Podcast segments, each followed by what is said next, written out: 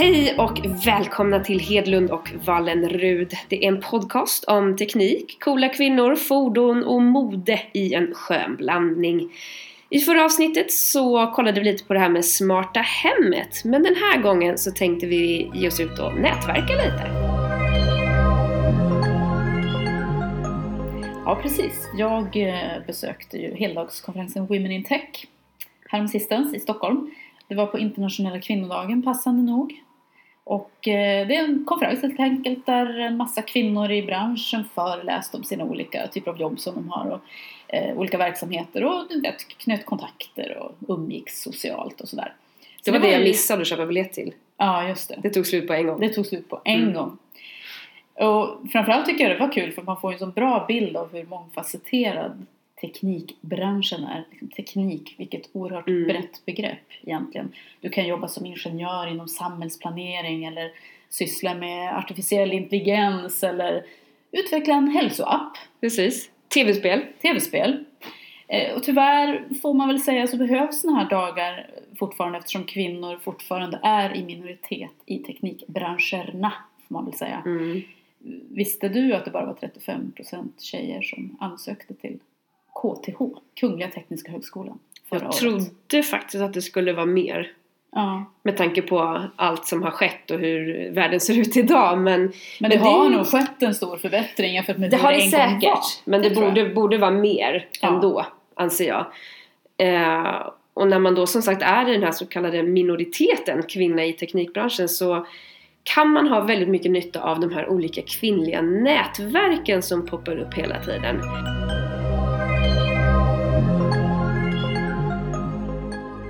Det finns framförallt nätverk för mycket yngre tjejer.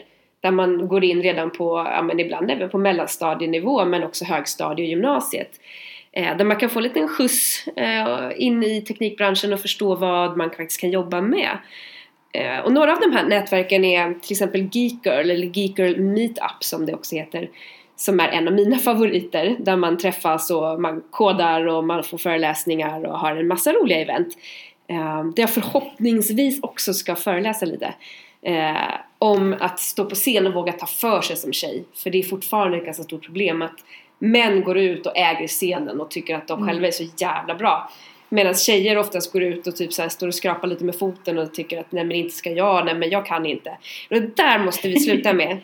Det måste upphöra genast. Och då tror jag det är Genast. en, en väldigt bra grej eh, att eh, 9 april här så var det ju Teklafestivalen i Stockholm.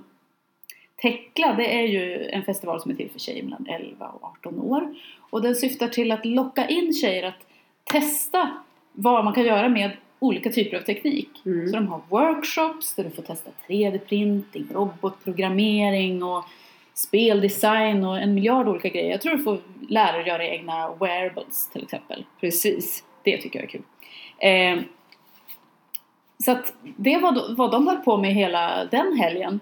Och jag tycker det är jättekul att, att eh, Robin är med och att hon var med och startat det här. Jag Eller tror hon det. bara- Hon är, ja, men hon är ändå med Ja. och är någon slags initiativtagare till det här som Ja. eh, drivs av eh, KTH framförallt. Men det finns ju också fler eh, organisationer och nätverk eh, som bland annat eh, Datatjej, eh, DigiGirls, ITQ Stockholm, bara för att Mm. nämna några. Där till exempel DigiGirls är faktiskt någonting som eh, Microsoft ligger bakom.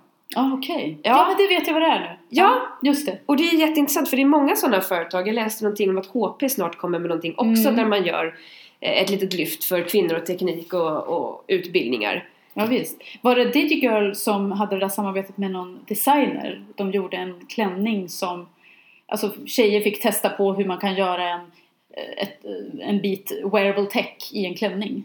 Ingen aning. Det kan ha varit det. Det var i alla fall ganska kul. Ja, Nej, men det, finns låter ju kul. massor, det finns ju i Sverige också finns ju massa initiativ. Mm. Women Engineer till exempel vill inspirera kvinnor att välja ingenjörsyrket. Så man riktar väl kanske mer in sig på gymnasietjejer då Ja. som ska till att välja utbildning. Eh, sen har vi ju Infotech i Umeå som de lyfter fram kvinnliga förebilder inom IT och teknik i största allmänhet. Och det riktar sig också till yngre för det är de som behöver förebilderna. Exakt, och att det inte bara är Stockholm. För det Nej, var ju som sagt som du sa i Umeå och det Ja. tycker jag också är kul att man drar ut i hela landet. För det sitter Ja. fantastiska människor i hela det här landet, inte bara i Stockholm. Verkligen.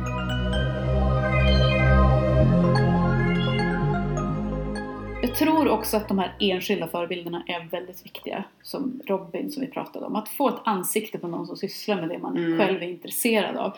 Att det ger en viss legitimitet och det gör att det blir okej att hålla på med det här. Mm.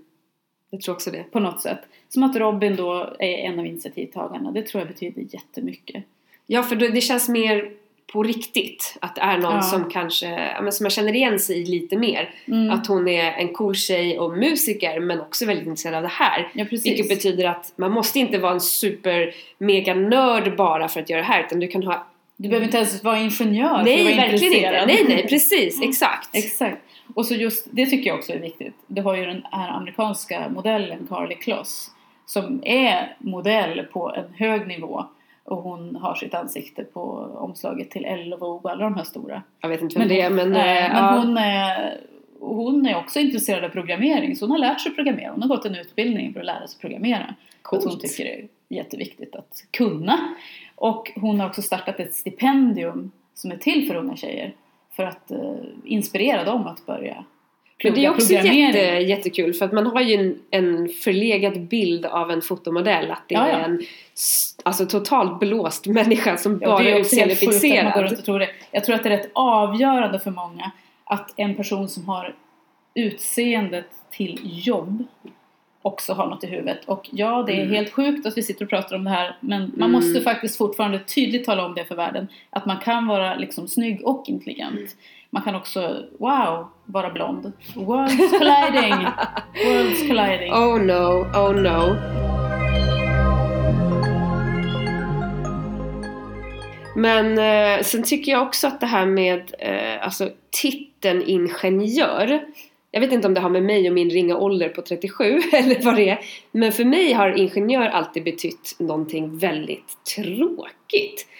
Jag vet inte. Ja, jag vet inte, ja precis. Jag För har, mig det det låter så. lite torrt. Ja, det gör det. Och varför det gör det, det vet jag inte. För jag vet egentligen inte om jag hade koll när jag var liksom barn vad en ingenjör egentligen Nej, gjorde. Det var min- bara något som vissas pappor hade som titel. Precis. Som din som pappa. min pappa som var ingenjör.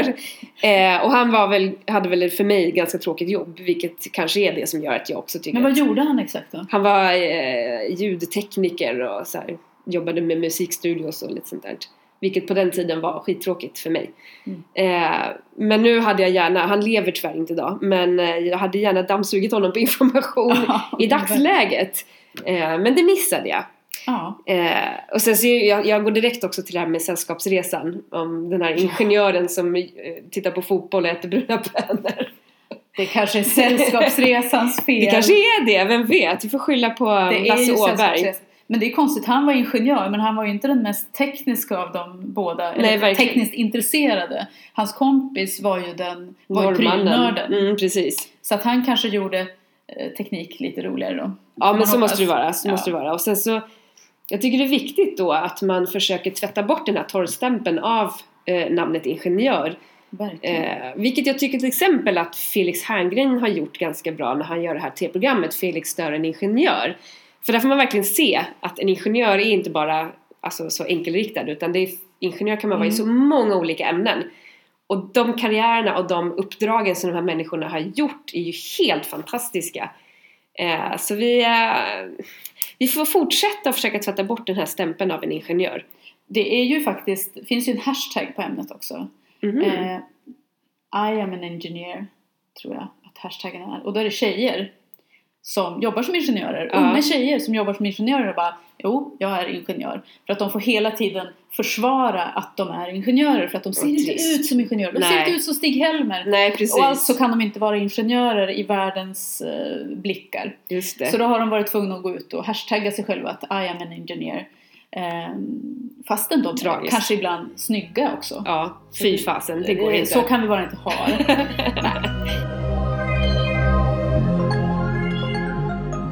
Men så jag kom på också en annan grej som jag inte minns vad det hette men eh, jag tror det var ganska nyligen här i Sverige som man ska få följa med en ingenjör på dens jobb. Mm. Om det är under en dag eller en längre tid, jag vet inte. Men det är också sånt här lyft som man jobbar mycket med, att man ska få en annan inblick i vad det heter. Eller vad det innebär att vara ingenjör. Eh, jag kom på nämligen att jag tror inte man använder nämligen ingenjör så mycket utan man använder andra Titlar. titlar, precis. Man Ja. kanske är spelutvecklare, ljudtekniker, programmerare. Mm. Att de titlarna låter så mycket roligare än att säga att man är ingenjör. Men jag tror att många är det Ja. i bakgrunden ändå. Sen tror jag många lägger till en engelsk titel som låter så mycket coolare Ja. ingenjör. Ja, För att det nog. engineer låter ju lite coolare än Det gör ju, ja, men, ja precis. Och det Det kommer man ju inte ifrån. sant. Eh, faktiskt. Men en sak som jag tänker på, nu har vi pratat mycket om folk som utbildar sig och ska lockas till att utbilda sig och så vidare till Mm. ingenjör. Men om man redan har liksom utbildat sig klart, man kanske är någonting helt annat. Men man kanske ändå har en idé om något man vill göra, vad, vad gör man då? Ja, nu har ju, eh, det har ju hållit på ett, ett, några år nu det här med startup som jag är så sjukt fascinerad av. Eh, jag älskar att träffa startup-företag och lyssna på deras idéer och Mm. se hur de tänker. Men det finns ju mycket så här startup hubs, nu är det mycket engelska här. Det är, det är okej. det är okej. Eh, där man får så mycket hjälp man behöver. Och man har kanske en idé, man kanske har en app, man kanske har en produkt, man kanske har en tjänst som man känner att det här tror jag väldigt starkt på.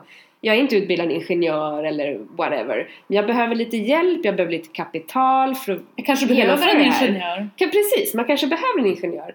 Och det är de här startup-hubsen som, ja men till exempel SUP46 och Epicenter då som ligger i Stockholm tyvärr, det finns säkert på andra ställen i landet också. Där man har möjlighet att låna arbetsplatser, konferenslokaler, knyta kontakter, man har alla möjligheter att föreläsa och berätta om sina produkter för eh, massa olika gäster. Jag har själv varit där och lyssnat på flera idéer och det är jätte, jätteintressant. Men får de berätta då för större, för- pitcha dem för större företag eller hur funkar det? Det tror jag att de får hjälp med att göra också. Ja. Men framförallt så pitchar de för eh, ja, men alla möjliga typer av människor. Jag har ju varit där i en, alltså som journalist. Och lyssnat och lyft upp produkter jag tycker är väldigt fascinerande.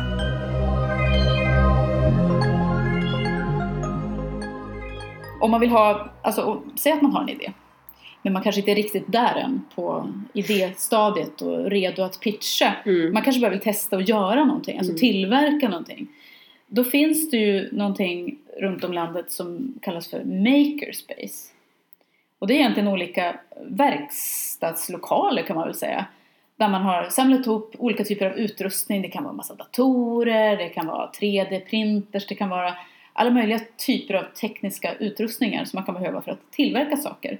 Och där, dit är man då välkommen om man har en idé om en pryl som man vill Mm. tillverka. Och eh, då har man också startat ett, ett initiativ som verkligen ska försöka locka in tjejer där också som Mm. heter Maker Tjej då. Eh, För det finns ju Makerspace Stockholm, det finns Makerspace över hela landet. Mm. På all, nästan överallt i hela landet finns det Makerspace. Och det finns då även Maker Tjej. Eh, där tjejer då kan få, de får liksom en introduktion och liksom inspiration att, att testa hela den här maker-rörelsen. Men det är ju kallas. jättekul för just det Istället för att sitta där. hemma och så kan man gå till sånt där ställe. Ja, Och där nätverkar man ju tips. också, träffa folk och så vidare. Exakt.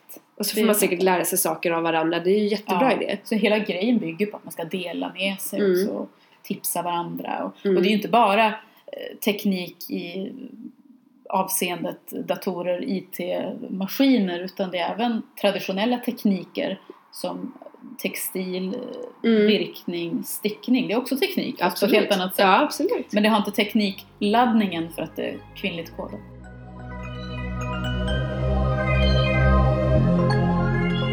Jag kom också på det här för jag har varit domare i eh, Ungt Företag. Ah. Det är ju för, eh, är det för gymnasieelever? Ja, det måste vara för gymnasieelever. Ja. De kör eh, någon sån här företagsutbildning, eh, någon kurs. Och eh, så man, får man tävla med sin idé som man har skapat och man bygger upp ett fiktivt företag egentligen. Där man skapar en produkt eller tjänst och sen så får man vara med och visa upp den och så blir man utvald till att vara med då i SM.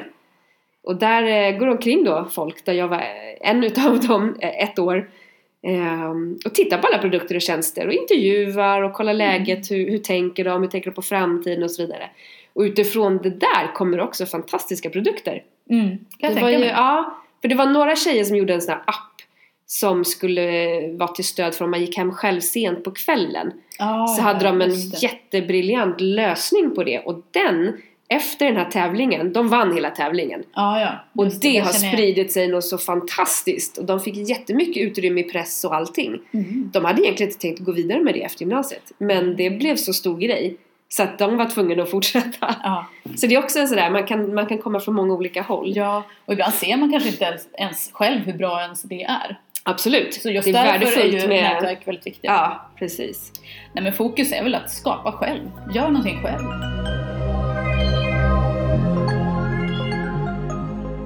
Nu är det ju faktiskt dags för vårt stående inslag. Dagens historiska techkvinna.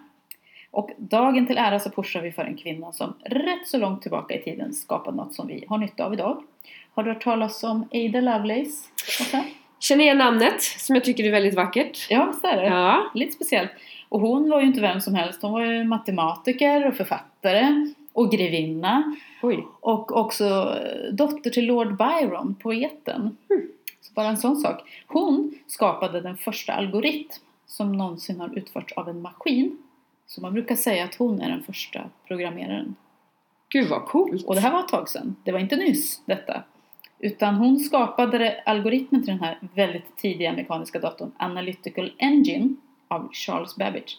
Eh, 1837, eller datorn skapades 1837, jag vet inte exakt när hon gjorde algoritmen. Men det är liksom den kalibern vi pratar Jag om. har lite svårt att förstå att man kunde göra sånt på 1800-talet. Faktiskt. Det var ju en väldigt mekanisk dator det här. Det Jo. var väl som en, en, en räknemaskin så. Mm. Och tyvärr så kunde ju inte den här Babbage slutföra sina datorprojekt. Han hade ju fler projekt också.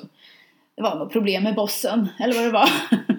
Men, så jag tror inte att hennes, att Lovelaces eh, algoritm riktigt kom till bruk där. Men senare, på, jag tror det var på 40-talet, så började man göra de här, eh, den här typen av tidiga datorer igen. Mm. Och då måste man ju ha utnyttjat de här kunskaperna. Ja, det hoppas jag. Ja. Så, så det är lite häftigt. Heja Ada Lovelace helt enkelt.